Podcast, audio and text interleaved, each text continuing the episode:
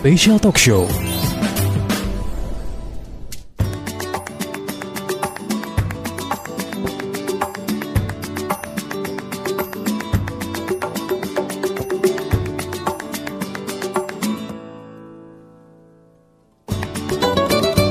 Dari Bumi Keramutin Darung Padang Monotripin for Class FM This is actual radio. Assalamualaikum warahmatullahi wabarakatuh Classy People. Gimana kabar Anda hari ini? Mudah-mudahan dalam keadaan sehat. Dan senang sekali saya Radi Pranata Bisa kembali menemani Anda di special talk show hari ini. Kembali bersama dengan Komisioner KPU Provinsi Sumatera Barat. Nah kita akan membahas bagaimana perkembangan ataupun persiapan mengenai Pemilihan serentak 2020 Yang diselenggarakan di beberapa daerah termasuk juga di Sumatera Barat. Nah saat ini saya sudah bersama dengan Komisioner KPU Provinsi Sumatera Barat ada Bapak Nova Indra atau Pak In. Kita sapa dulu. Assalamualaikum Pak In. Waalaikumsalam, Bung Radi. Kabarnya hari ini sehat Pak? Alhamdulillah sehat dan assalamualaikum juga untuk pemirsa Klesi FM di mana pun hmm. berada. Nah, Oke, okay. ini sepertinya di waktu-waktu mendekati tanggal 9 Desember sibuk sekali ya Pak In. Ya lumayan lah, lumayan lah, ya. lumayan nah. karena memang ada beberapa persiapan uh, hmm. teknis yang sedang kita persiapkan uh, hmm. untuk 9 Desember 2020. Hmm. Nah, di antaranya pada hari ini kita sedang fokus uh, dalam pelaksanaan uh, bimbingan teknis, hmm. uh, apa namanya bimbingan teknis, uh, petugas penyelenggara KPPS, hmm. ya, KPPS, uh, bagaimana menyiapkan teknis pemungutan dan penghitungan suara di hmm. TPS, hmm. Nah, termasuk juga nanti pengisian-pengisian formulir uh, bagaimana uh, pelaksanaan uh, protokol kesehatan hmm. di tengah pandemi ini juga ke, sedang gencar-gencarnya kita melakukan bimbingan teknis dan sosialisasi sehingga petugas kita di lapangan nanti itu bisa uh, secara maksimal uh, hmm. melaksanakan pemungutan suara itu tanpa ada klaster baru ya klaster baru di apa di TPS itu hmm. terhadap uh, wabah COVID ini 19 ini. Oke. Okay. Berarti saat ini juga fokusnya untuk memberikan sosialisasi kepada KPPS ini untuk uh, protokol kesehatan yang lebih ketat gitu ya Pak ini? Ya lebih ketat ya lebih ketat artinya uh, apa namanya uh, setiap penyelenggara itu itu hmm. kan mesti paham dia, mengerti dia hmm. bagaimana penerapan protokol kesehatan itu. Hmm. Jadi outputnya adalah kita ingin pemilih itu hmm. datang ke TPS itu tanpa ada kekhawatiran tanpa ada kecemasan hmm. bahwa di TPS itu tidak aman dengan uh, apa namanya uh, wabah COVID ini. Hmm. Hmm. Nah, kita meyakinkan publik Sumatera Barat khususnya pemilih pada 9 Desember bahwa datang ke TPS itu uh, aman ya. Hmm. Datang ke TPS itu aman. Salah satunya kita menyediakan uh, protokol kesehatan misalnya hmm. kita menghimbau untuk pakai hmm. masker, cuci tangan misalnya, jaga jarak misalnya dan uh, setiap uh, apa aktivitas di TPS itu itu sudah disterilkan oleh hmm. uh, petugas kita. Nah hal-hal ini mesti di, dipahami betul oleh petugas kita. Jadi sekali lagi saya katakan yang penting masyarakat kita itu nyaman ya, nggak ada hmm. rasa cemas hmm. lah, khawatir lah untuk datang ke TPS itu. Dan masyarakat kita itu karena ini pesta demokrasi, semua orang mesti bergembira. Oke, Pak. Hmm. Tanpa ada ketakutan, hmm. tanpa ada kecemasan tanpa ada intervensi, hmm. tanpa ada intimidasi. Hmm. Hmm. Okay. Intimidasi oleh pasangan calon, intimidasi oleh COVID ini sendiri, bahaya COVID ini nggak ada. Yang penting kita bahagia, hmm. bahagia. Dan saya yakin kalau pemilih itu bahagia, senang dia, hmm. dia akan uh, memberikan uh, pilihan-pilihannya itu secara uh, apa namanya, secara rasional ya, okay. secara rasional di TPS. Berarti Pak In, ini sepertinya ada semacam hal-hal yang uh, dikhawatirkan begitu ya Pak ini sebagai penyelenggara terhadap uh, pelaksanaan di tanggal 9 Desember nanti misalnya, apalagi untuk para pemilih. Nah, kalau untuk para pemilih ini apa yang yang, yang mungkin uh, dikhawatirkan nih, Pak In? Ya sebenarnya uh, kita menghimbau juga ya, menghimbau hmm. juga kepada para pemilih kalau misalnya uh, dia uh, misalnya uh, apa namanya uh, kalau hari ini kan orang rapid misalnya, hmm. rapid itu mungkin reaktif. Hmm. Nah ini diinformasikan sehingga perlakuan kita kepada pemilih yang uh, rapid misalnya atau hmm. yang positif misalnya kan ada perlakuan khusus. Ya misalnya rapid dia uh, tidak bisa datang ke TPS, hmm. mungkin nanti akan dikunjungi ke rumahnya misalnya hmm. seperti itu. Kira-kira seperti itu. Dan uh, apa namanya uh, semuanya mesti transparan, hmm. harus terbuka. Okay. Baik penyelenggara maupun uh, apa namanya pemilih itu sendiri, hmm. termasuk juga peserta pemilu Hmm. Jadi kalau memang dia reaktif atau positif, dia sampaikan informasi itu. Hmm. Jangan kemudian kita membahayakan hmm. pemilih yang lain atau proses hmm. yang terjadi di TPS itu sendiri. Okay. Nah, kira begitu apanya uh, uh, apa namanya uh, kondisi yang hmm. harus kita jaga di TPS tadi. Nah, semua kita baik penyelenggara, baik masyarakat, baik peserta pemilu, hmm. siapa pun yang punya kepentingan sama-sama menjaga komitmen itu, saya yakin tidak ada yang perlu dikhawatirkan. Kita bisa happy lah, bahagia lah untuk datang ke TPS itu. Toh sekali lima tahun kita datang ke TPS, hmm. menentukan pilihan kita, pemimpin kita. Hmm. Nah mudah-mudahan Sumatera Barat mendapatkan pemimpin yang yang keren, hmm. yang luar biasa, yang uh, tahu dengan kebutuhan Sumatera Barat hari ini, apalagi di tengah pandemi ini. Nah, kira begitu. Oke. Nah, kemudian tadi Pak In juga bilang bahwasanya uh, sekarang ini kan juga kesibukan yang sangat banyak itu untuk bimbingan teknis gitu ya Pak In ya? Ya, bimbingan teknis. Kemudian uh, kita juga lagi persiapan logistik, uh -huh. uh, misalnya kotak suara, uh -huh. bilik suara, pembuatan TPS, mm -hmm. kemudian uh, surat suara sedang proses cetak mm -hmm. dan sudah ada di beberapa kabupaten kota itu sudah ada yang dalam perjalanan bahkan mm -hmm. sudah ada yang sampai di kabupaten kota surat suaranya. Mm -hmm. Jadi ini kan mesti disortir lagi surat suara dilipat lagi mm -hmm. sesuai dengan jumlah pemilih yang ada di TPS tersebut. Nah kemudian di samping itu kita juga tahap uh, kampanye. Mm -hmm. Nah kemudian uh, kampanye pasangan calon juga tetap berlangsung tentu ini uh, masih uh, tanggung jawab kita secara bersama-sama bagaimana pelaksanaan kampanye itu bisa berjalan dengan baik. Nah, hmm. kira-kira begitu. Oke, Pak In. Nah, selanjutnya Pak In, uh, dari uh, kegiatan-kegiatan bimbingan teknis ini dan juga uh, termasuk mengenai tadi itu ada logistik ya, persiapan hmm, logistik gitu logistik. ya Pak In ya. Nah, kalau untuk logistik ini sendiri bagaimana dengan mungkin uh, keamanan ataupun hal-hal mungkin yang dikhawatirkan masyarakat jaminannya nih Pak ini? Jaminan? Uh, kalau kalau misalkan ada kekhawatiran masyarakat mengenai logistik ini. Ya kita kan apa uh, logistik ini kan uh, apa namanya jaminan keamanannya misal mm -hmm. surat suara kita kan sudah yeah. kerjasama dengan apa dengan uh, kepolisian mm -hmm. untuk mengawal proses uh, surat suara misalnya mm -hmm. kan bagaimana surat suara itu tidak rusak dan tidak uh, dicoblos terlebih dahulu. Mm -hmm. Kemudian ada juga teman-teman dari Bawaslu yang mengawasi kita secara melekat hmm. dan uh, memonitor. Kita selalu bekerja sama, berkoordinasi dengan teman-teman Bawaslu dan pihak kepolisian. Saya pikir dua institusi ini itu sudah sangat membantu daripada uh, persiapan logistik yang dilakukan oleh KPU Sumatera Barat hari ini, hmm. termasuk juga kabupaten kota yang pilkada. Dan saya uh, sangat optimis bahwa hmm. uh, apa keamanan logistik itu sudah Uh, bisa kita jamin hmm. dan pihak kepolisian dan Bawaslu juga bersama-sama kita sudah bersepakat bagaimana keamanan logistik ini bisa kita jaga pada sampai pada hari pemungutan suara.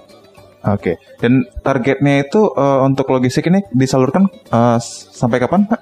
Kita kalau oh, perencanaan kita kan tujuh hari menjelang hari H itu kan logistik itu sudah mulai uh, berjalan ya, -hmm. uh, terutama untuk daerah-daerah sulit ya. -hmm. Misalnya dengan menggunakan uh, perahu misalnya atau mm -hmm. menggunakan uh, apa namanya uh, jalan darat misalnya atau misalnya dalam kuda beban misalnya mm -hmm. itu kita sudah sampaikan mm uh, tujuh hari sebelum hari H itu sudah uh, mm -hmm. disampaikan.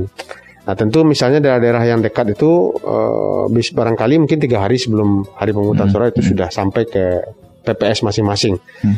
Nah pada hari H itu jam 4 subuh itu sudah bergerak lagi apa logistiknya ke hmm. apa ke TPS TPS. Kalau di Kota Padang tuh di kantor kelurahan mungkin barangkali hmm. uh, atau di apa namanya di RW misalnya hmm. itu logistik di di apa di disimpan atau misalnya kalau Padang itu biasa di kantor kelurahan tuh ada gudang misalnya satu hmm atau dua atau tiga tergantung kebutuhannya hmm. bagaimana akses ke TPS itu tidak jauh jadi itu sudah sudah bergerak itu logistik itu nah hari ini memang kita dalam uh, persiapan logistik uh, packingnya hmm. packingnya sudah kita uh, siapkan dan terus berjalan oleh teman-teman KPU Kabupaten Kota Oke, baik Pak In. Nanti akan kita lanjutkan lagi pembahasan kita mengenai persiapan uh, pemilihan serentak 2020 ini Pak In. Hmm. Ya, jangan ke mana-mana, Klesi Popal kita akan lanjutkan obrolan kita bersama dengan Komisioner KPU Provinsi Sumatera Barat, Bapak Nova Indra, setelah yang satu ini dulu.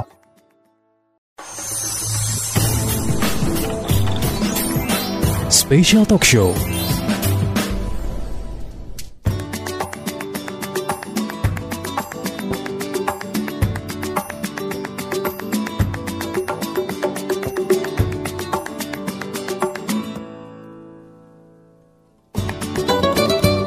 103,4 Kelas FM This is the Actual Radio Classy People kita balik lagi di Special Talk Show bersama dengan KPU Provinsi Sumatera Barat Dan masih bersama saya Radi Pranata dan Komisioner KPU Provinsi Sumbar Ada Pak Nova Indra Nah Pak In, kalau tadi sudah bahas mengenai kesibukan atau persiapan uh, menjelang tanggal 9 Desember Nah mungkin kita pengen dibahas uh, di sesi ini membahas bagaimana pemilih pemula dan pemilih pem, uh, muda nih Pak hmm. uh, Kalau dari uh, beberapa pengalaman Pak In mungkin sudah sering belusukan menjelang tanggal 9 Desember ini Pak. Bagaimana euforia dari teman-teman eh, yang pemuda ini Pak? Sebenarnya pemilu ini kan sebenarnya akses informasi ya, akses hmm. informasi. Sepanjang pemilih pemuda, pemilih muda itu mendapatkan informasi, hmm. mereka sangat antusias, sangat antusias. Tapi kemudian ada juga pemilih pemula ini yang tidak cukup dapat informasi dia. Hmm. Dia kadang-kadang sibuk main game misalnya, main okay. PUBG, main Mobile Legend misalnya, hmm. sehingga informasi itu uh, tidak cukup mereka dapatkan. Hmm. Tapi beberapa tempat yang saya temukan sampai saya ke apa Jorong Pertamuan di hmm. Mapatunggul Selatan di Pasaman, Lubuk Ulang Aliang di apa di Sulawesi Selatan hmm. misalnya melalui uh, Sungai Batanghari itu, saya ketemu sama pemilih pemula yang di situ mungkin akses internetnya tidak terlalu bagus, hmm. jadi mereka memang uh, apa uh, mendapat informasi itu dengan datang ke sana, mereka sangat antusias untuk uh, mencari tahu siapa calon gubernur dan wakil gubernur, siapa calon bupati dan wakil bupati. Hmm. Nah, tapi ketika uh, kita bertemu misalnya dengan uh, adik-adik kita yang apa yang di daerah-daerah perkotaan misalnya, hmm. yang ketika akses itu tidak dapat oleh mereka, Nah, dia memang agak apa? Agak kebingungan dia dan hmm. kadang cenderung dia tidak tahu dengan apa dengan apa namanya dengan calon gubernur dan hmm. uh, wakil gubernurnya. Tapi tapi sungguh pun demikian, saya masih tetap punya keyakinan bahwa di tengah pandemi ini semua kebiasaan itu kan berubah. Hmm. Sosialisasi KPU, penyampaian materi, seminar misalnya, kemudian kampanye misalnya itu kan melalui uh, daring semuanya. Hmm. Nah, itu kemudian uh, kita melihat data statistiknya hampir uh, seluruh pemilih pemula hmm. itu kan mengakses internet tuh ke pemilih pemuda. Iya, Pak. Hmm. Kalau kita ambil umurnya mungkin 40 sampai ke bawah lah ya, hmm. uh, ke bawah. Nah, tentu ini potensi uh, yang bisa di, di apa namanya digarap oleh hmm. uh, kita di KPU sehingga memang uh, akses informasi itu mereka mereka dapat dan kita coba nanti uh, tapi sudah mulai hmm. uh, sudah mulai kepada teman-teman KPU Kabupaten Kota ada 19 hmm. teman-teman PPK ada di 179 uh, kecamatan hmm. kemudian ada di teman-teman PPS di 1159 uh, nagari desa hmm. kelurahan kemudian kita punya 12.548 TPS hmm. dan kita coba uh, mensosialisasikan ini karena bagi bagi teman-teman pemilih muda itu memang uh, apa namanya ini uh, momentum bagi mereka untuk merasakan sensasi sebenarnya. Hmm. Bahwa dia datang ke TPS itu di tengah pandemi ya, pandemi. Ini kan pengalaman pertama ini. Yep. Pengalaman pertama sama kayak 2019 orang datang ke TPS dengan lima kotak misalnya. Hmm. Hari ini orang datang ke TPS dengan di masa pandemi. Yeah. Nah, ini kan sejarah ini, sejarah bahwa dia adalah pelaku dalam uh, dem pesta demokrasi 2020 di tengah uh, pandemi.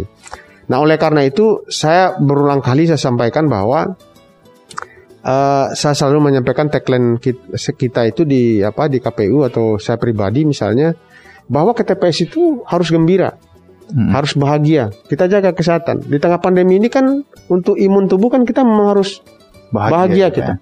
Bahagia kita uh, tidak stres kita bahwa ke TPS itu keren, pilih pemimpin itu keren, ya kan? Kemudian ke TPS itu kita mesti gembira. Saya analogikan seperti ini. Ketika misalnya kita tidak mempergunakan waktu 5 menit di TPS misalnya untuk adik-adik uh, pemilih pemula misalnya, uh, kan cenderung kan banyak mahasiswa itu. Nah kemudian terpilih pemimpin, gubernur misalnya yang tidak sesuai dengan uh, ekspektasi kita atau hmm. harapan kita kemudian dia keluarkan kebijakan yang kemudian tidak uh, apa namanya tidak berpihak kepada masyarakat atau tidak sesuai dengan kebutuhan masyarakat. Hmm. Nah pertanyaan saya, apakah tiap hari kita mau demonstrasi terus ke kantor gubernur, demonstrasi terus ke DPRD? Hmm. Kan capek kita itu. Hmm. Lebih baik kita gunakan 5 menit waktu kita ke TPS itu dengan mencari informasi sebanyaknya eh, siapa itu calon gubernur kita. Selesai. Kita tidak perlu heboh-heboh. Ya kan tidak perlu heboh-heboh. Makanya oleh karena itu kalau misalnya pemilih muda kita eh, tidak eh, apa namanya tidak eh, datang ke TPS itu kan satu kerugian yang eh, amat besar sekali. Nah, kemudian selanjutnya yang ingin saya sampaikan adalah saya menghimbau juga kepada pemilih muda jangan menjadi pemilih yang rentan. Hmm. Artinya pemilih yang rentan adalah pemilih yang eh, bisa dimobilisasi dan bisa dibeli suaranya. Hmm. Karena pemilih muda ini dengan main game, main ini segala macam kan pemilih yang rentan, pemilih rentan, kategori rentan. Hmm. Karena dia tidak cukup mendapatkan informasi siapa calon gubernur, siapa calon bupatinya. Sehingga apa? Sehingga ketika ada orang mau nggak ke TPS, nanti dikasih uang, kira-kira Hmm. begitu. Hmm. Pilih si Anu, pilih si A, si B, si C, si D misalnya. Nah, tapi kalau dia cukup referensi, cukup literasi dia eh, tentang calon gubernur dan calon bupati, dia akan berpikir, ya kan, bahwa money politik itu no, kira-kira begitu Hmm. bahwa dimobilisasi dengan iming-iming atau janji oleh eh, kandidat misalnya itu no misalnya. Hmm. Saya harus independen. Saya harus eh, berpikir dengan diri saya sendiri misalnya seperti Hmm. itu. Maka dia akan menentukan pilihannya dengan baik pemilih muda itu. Karena pemilih muda itu kan agent of change, moral force. Ya kan? Eh, agen perubahan, Agen social control pemilih pemilih muda itu. Sebenarnya di tangan mereka lah sebenarnya eh, perubahan-perubahan itu diharapkan. Karena mereka itu eh, teman-teman mahasiswa itu kan Hmm. masih kategori masyarakat intelek tuh, masyarakat akademis itu. Hmm. Di tengah keluarganya pendapat dia masih sangat dihargai karena dia seorang mahasiswa, seorang akademis, seorang apa. Jadi potensi-potensi ini jangan disalah gunakan oleh pemilih muda. Nah, oleh karena itu kami menghimbau kepada teman-teman pemilih muda eh, kalau informasinya silakan cari ke KPU misalnya Hmm. berkunjung ke KPU atau buka website KPU, apakah KPU Sumbar, KPU Kabupaten Kota maupun KPU RI. Semua informasi ada di situ. Kita di website kita sudah menampilkan profil pasangan calon. Bisa dicari. Bisa dicari ya, bisa dicari. Jadi oleh karena itu eh, saya berharap sekali kepada pemilih muda ini eh, informasi eh, sudah sangat apa? Sudah sangat tersedia. Tinggal kemauan mereka untuk apa? Untuk apa namanya? Untuk eh, mencari informasi itu. Hmm. Nah, terakhir ingin saya sampaikan adalah bahwa sosialisasi ini tidak hanya tanggung jawab KPU, tapi itu tanggung jawab peserta pemilu, Hmm. ya kan? Kemudian tanggung jawab eh, apa namanya ormas OKP Hmm. Hmm. dalam menyampaikan eh, sosialisasi, kemudian juga pemerintah daerah misalnya, dan tentu saja teman-teman media juga ikut eh, apa namanya ikut bertanggung jawab untuk membantu sosialisasi ini. Misalnya hari ini Klesi melakukan eh, dialog misalnya dengan kami misalnya ini kan sudah sesuatu yang luar biasa yang eh, bisa eh, dilakukan oleh Klesi Eh, dan kemudian ini kita berharap juga media-media lain juga eh, menyampaikan informasi yang benar kepada masyarakat. Kira-kira begitu. Oke. Nah, kemudian Pak Pain, kalau seandainya kita coba klasifikasikan dari eh, dari penjelasan Pak In- eh, Pain tadi, berarti ada mungkin ada tiga macam pemilih pemula nih Pak. Yang pertama orang yang sudah teredukasi dengan baik karena aksesnya pun juga baik. Hmm. Yang kedua mungkin orang yang tidak tereduka- ter- tidak teredukasi karena aksesnya kurang baik dan ada orang yang tidak teredukasi meskipun aksesnya baik nih Pak. Mm-mm. Ah, Oke. Nah, untuk yang tipe ketiga ini misalnya Pak, eh, ibaratnya kan nggak mau tahu nih dengan dengan situasi seperti ini. Hmm. Nah, upaya-upaya apa mungkin yang yang mungkin eh, juga dilakukan untuk bisa me- mengubah pola pikir orang-orang yang seperti ini yang tipe ketiga ini Pak? Ya eh, hari ini dengan waktu yang eh, masih yang masih tersisa ya, Hmm. tentu kita eh, mesti harus ma- har- mas- mesti masif ya melakukan sosialisasi itu. Paling tidak dia mendapatkan informasi. Oke. Paling tidak mendapatkan informasi. Tapi apakah dia datang ke TPS itu kan eh, KPU tidak bisa juga menjamin. Itu kan kembali ke dirinya. Hmm. Eh, kami hari ini mungkin barangkali eh, meyakini bahwa 90% mungkin orang Sumatera Barat sudah tahu bahwa pilkada itu dilaksanakan tanggal 9 Desember 2020 hari Rabu. Hmm. Tapi kemudian apakah dia datang ke TPS? Nah ini kan Allah walam lah. Hmm. Ya kita kita apakan kita eh, pastikan Hmm. ya kita pastikan bahwa yang bersangkutan itu datang. uh, ke TPS. Jadi apa namanya orang yang apatis itu pasti Ya. pasti ada ya. Tapi kalau misalnya uh, untuk merubah cara berpikir orang itu memang tidak bisa simsalabim. LSM saja, NGO saja untuk merubah move mindset orang itu butuh waktu yang cukup lama, satu tahun, dua tahun, tiga tahun ya. Nah, tapi itu tentu uh, ini tidak mematahkan semangat kita. Tetap ke KPU tetap uh, optimis. Kalau misalnya pemilih-pemilih muda yang apatis itu bisa uh, kita sentuh Hmm. melalui komunitas-komunitas yang uh, sudah kita lakukan. Oke. Kemarin ada komunitas mural misalnya yang kita sentuh, ada komunitas uh, fotografer misalnya yang kita sentuh, komunitas disabilitas yang kita sentuh misalnya kan, komunitas perempuan yang kita sentuh, Oke. kemudian komunitas uh, daerah uh, tersulit yang atau terluar di Sumatera Barat yang kita sentuh, komunitas uh, orang-orang pinggiran yang kurang akses yang uh, kita sentuh. Nah, ini tentu uh, kita berharap ini seperti uh, snowball ya, bola salju dia kan menggelinding terus, semakin lama semakin besar. Nah, harapan kita kan seperti itu uh, untuk 9 Desember itu. Baik, Pak In, kita masih ada satu sesi, sesi lagi. Akan kita lanjutkan lagi nanti setelah komersial break dulu, Klesi Popol. Dan jangan ke mana-mana, obrolan kita bersama dengan Komisioner KPU Provinsi Sumatera Barat, Bapak Nova Indra. Akan kita lanjutkan setelah yang satu ini dulu.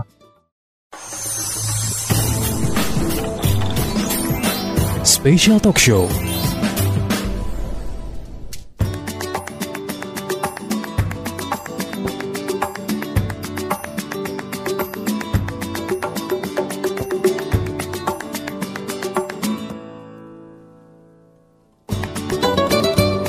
Empat Kelas FM This is the Actual Radio. Klasi Popol kita sudah di sesi terakhir di special talk show hari ini bersama dengan Komisioner KPU Provinsi Sumatera Barat Bapak Nova Indra. Nah kali ini di sesi ketiga mungkin ada semacam beberapa pertanyaan lagi nih Pak In terkait dengan misalnya antisipasi terjadinya kecurangan. Eh, ini kan hal yang sebenarnya eh, tidak kita inginkan tapi perlu kita antisipasi juga gitu ya Oke. Pak In. Kalau seandainya ini Pak In eh, di selain pemilihan gubernur kan ada juga pemilihan wali kota dan bupati di beberapa wilayah di Sumatera Barat ini. Apa antisipasi yang mungkin uh, sudah ataupun akan dilakukan oleh penyelenggara untuk mencegah uh, pen- uh, terjadinya kecurangan, Pak? Ya, salah satunya pemilu yang disiapkan hari ini kan adalah pemilunya eh, sifatnya adalah prosedural dan administrasi. Hmm. Misal salah satu contoh misalnya mobilisasi, mobilisasi massa misalnya. Nah, KPU dari awal sudah melakukan tindakan mitigasi. Misalnya orang datang ke TPS itu harus eh, membawa C pemberitahuan Hmm. atau C6 namanya, Hmm. ya. Atau dulu itu di pemilu legislatif namanya eh, surat undangan. Hmm. Nah, surat undangan itu isinya pemberitahuan. Kemudian juga membawa KTP elektronik. Kemudian petugas kita itu akan melihat, mencek namanya. Apakah orang ini terdaftar dalam DPT atau tidak. Hmm. Jadi itu kan proses mitigasi sebenarnya, pencegahan ketika terjadi kecurang eh, ketika eh, akan terjadi kecurangan-kecurangan. Hmm. Ya kan? Nah, itu satu langkah yang dilakukan oleh penyelenggara kita. Nah, kemudian yang kedua, pencegahan lain adalah kita hari ini sangat fokus untuk mempersiapkan kapasitas Oke. pemahaman yang saya sampaikan tadi kepada penyelenggara kita bahwa yang memil- yang boleh mem- memilih di TPS itu adalah orang yang sudah terdaftar di dalam uh, daftar pemilih tetap dan dibuktikan dengan KTP elektronik dan C6 tadi C pemberitahuan tadi itu clear itu makanya kalau pem- kalau kita berkaca kepada pemilu 2019 banyak terjadi uh, PSU di Kota Padang misalnya karena memang apa namanya uh, uh, pemilih yang memaksakan dirinya yang dia sebenarnya tidak berhak untuk memilih di sana, Hmm. dia ikut memilih di sana. Nah, sementara petugas kita uh, karena koordinasi mungkin kurang mungkin misalnya dia atau misalnya di dia pengetahuan dia, maka terjadilah PSU di beberapa tempat di Kota Padang. Nah, ini pengalaman-pengalaman ini kemudian yang uh, kita terus membenahi diri uh, kita di KPU uh, agar nanti pada hari pemungutan suara ini tidak terjadi lagi. Dan kemudian kita juga menghimbau kepada peserta pemilu Hmm. ini untuk mentaati eh, prosedur ini, prosedur ini sampaikan kepada pemilih kita, pemilih kita eh, apa eh, syarat untuk eh, bisa datang ke TPS itu. Hmm. Dia harus memiliki KTP elektronik, ya, aku KTP elektronik. Kemudian yang ketiga menurut saya ada teman-teman Bawaslu Hmm. yang selalu melakukan eh, pengawasan, ya pengawasan melekat ya. Nah, baik itu dalam aspek money politik misalnya atau mobilisasi misalnya atau intimidasi atau ancaman yang dilakukan oleh pasangan calon, hmm. misalnya kan, nah ini tentu apa akan selalu diawasi dan dipantau oleh teman-teman Bawaslu.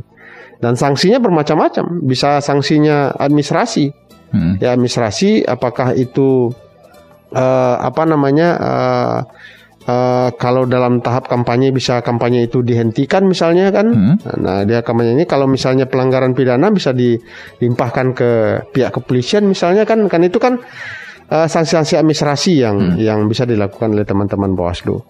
Nah, kemudian yang paling terpenting menurut saya pengawasan itu adalah oleh masyarakat sendiri. Okay. Masyarakat masyarakat mesti kita berikan informasi be, be, sejelas-jelasnya bahwa uh, dia berhak tahu dan dia berhak untuk mengawasi jalannya pemilu itu. Dia bisa saja menegur masyarakat uh, partai politik atau peserta pemilu yang melakukan kecurangan. Hmm. Hei, peserta pemilu itu money politik itu mobilisasi itu nggak boleh bisa saja seperti itu. Nah kalau itu sudah dilakukan oleh masyarakat maka punishmentnya itu bisa dilakukan oleh masyarakat langsung. Orang masyarakat bisa saja tidak memilih peserta pemilu yang melakukan kecurangan. Hmm. Nah itu kemudian sanksi yang paling berat menurut saya yang uh, terus kita sampaikan kepada publik masyarakat bahwa yang melakukan pengawasan itu yang paling penting itu adalah hmm. di masyarakatnya sendiri. Nah oleh karena itu saya pikir dari segi administrasi prosedural KPU sudah menyiapkan itu. Hmm. Uh, tindakan-tindakan bagaimana kecurangan tidak terjadi. Termasuk juga kita berkoordinasi dengan teman-teman Bawaslu hmm. dan untuk persoalan keamanan itu kita sudah di backup habis oleh uh, pihak kepolisian, hmm. termasuk juga Satpol PP. Uh, kemudian dalam hal ini juga tentu saja adalah pemerintah daerah selaku penanggung jawab stabilitas politik di daerahnya masing-masing. Oke, baik. Kemudian ada satu istilah lagi mungkin yang kemudian berkembang nih Pak, uh, apalagi sekarang masih masa kampanye gitu ya, uh, mengenai uh, antar antar pendukung saling mengintimidasi misalnya Pak, dengan mungkin dengan berbagai uh, media, ibaratnya cywar. Hmm. nah itu bagaimana menurut Pak In?